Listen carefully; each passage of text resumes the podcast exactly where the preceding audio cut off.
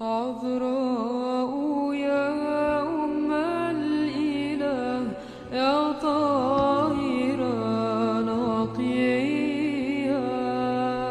La det forgjengelige lys fra din åpenbaring skinne i våre hjerter, o menneskekjære Herre.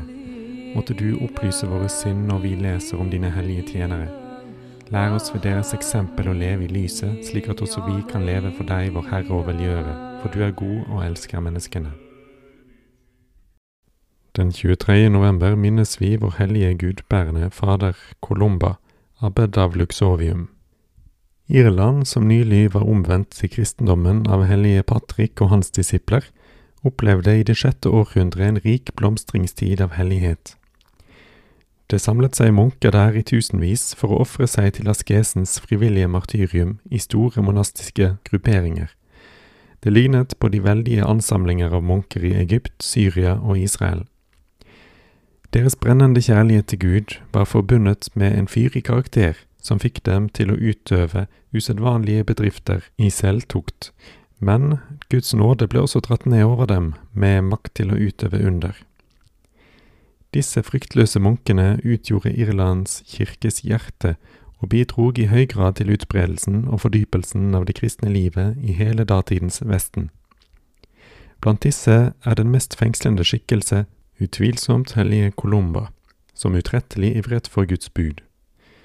Columba var født i omkring år 542 i Leinster-provinsen i Sydøst-Irland. Han ble opplært i de verdslige vitenskapene som ble holdt høyt i akt av irlenderne. Fra Columbas egne verker er det tydelig at han var kjent ikke bare med Bibelen, men også med kirkefedrene og latinske forfattere som Seneca, Horats, Virgil og Ovid. Men Columba var plaget av nytelsessykens lidenskap, og forsto tomheten av jordiske forhåpninger. Derfor reiste han for å stille seg under ledelse av en hellig eldste, han het Sinell og var disippel av hellige Finian. Denne innførte han i kjennskapen til de hellige skriftene og det asketiske livet. Han ble deretter munk i Bangor, Irlands mest berømte kloster, og der var det 300 munker. Han fullførte sin klosterutdannelse under ledelse av hellige Komgal. Omkring år 590 fulgte Columba, som så mange andre av han medasketer på denne tid, et særlig kall fra Gud til å forlate sitt fedreland for å underkaste seg en frivillig landflyktighet og tjene fremmede folk med evangelisering. Han tok da et skip og seilte til Gallia sammen med tolv disipler, like mange som Kristus hadde, og ledet av forsynet reiste han ut for å forkynne evangeliet og veien til omvendelse. I dette vandrende kommunitet var alt felles for alle. Hos dem var tålmodigheten, saktmodigheten og kjærlighetens bånd så sterke at det var umulig å tvile på at Herren med all sin mildhet bodde midt iblant dem. Så stor var den nåden som strømmet ut fra den salige, at det var nok om han bodde, hvor kort det enn var, i huset til hvem som helst, og så ble alle sjelene dratt til å utøve kristendommens religion, kan vi lese hos biografen Jonas av Bobbio. Da kong Gontran av Burgund hørte ham omtalt, innbød han ham til Voggesern og forærte ham et stykke land, hvor Annegré-klosteret ble grunnlagt. Columbas mange dyder drog snart til seg et stort antall disipler rundt ham. Noen av dem ville også arbeide på deres frelse med askesens anstrengelser. Han ble derfor nødt til å grunnlegge et nytt kloster i nærheten, nemlig Luxovium, og litt senere et tredje, Fontaine. Den hellige befant seg i spissen for flere hundre munker. Han bodde i Luxovium og førte tilsyn med sine tre kommuniteter, idet han i hvert av dem støttet sin myndighet på en prost, som hadde til oppgave å få den regelen overholdt som Den hellige hadde skrevet.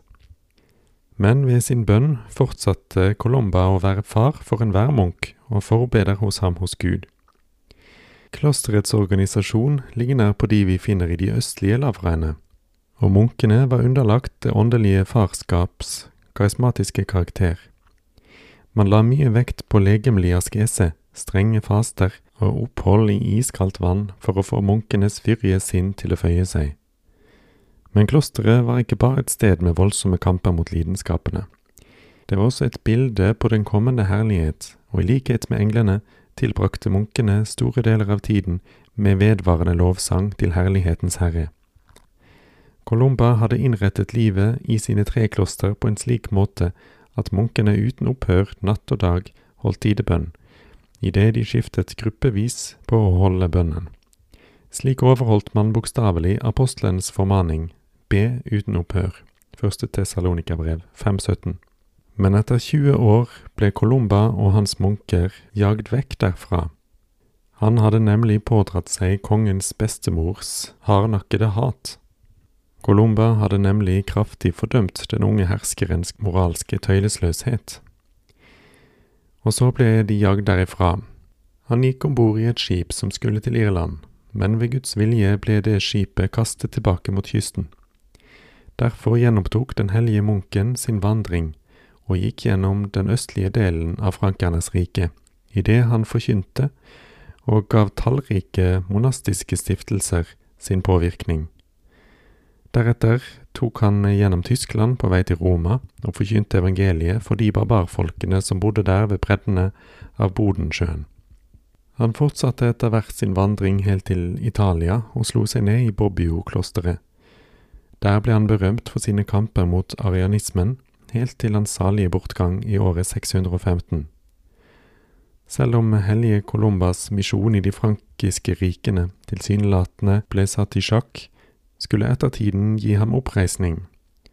For eh, fram til år 730 skulle mange av hans disipler grunnlegge hundretalls klostre, og de bidrog til utbredelsen av den irske klostertradisjonen og til innførelsen av bruken av det private skriftemålet blant folket der. Avro.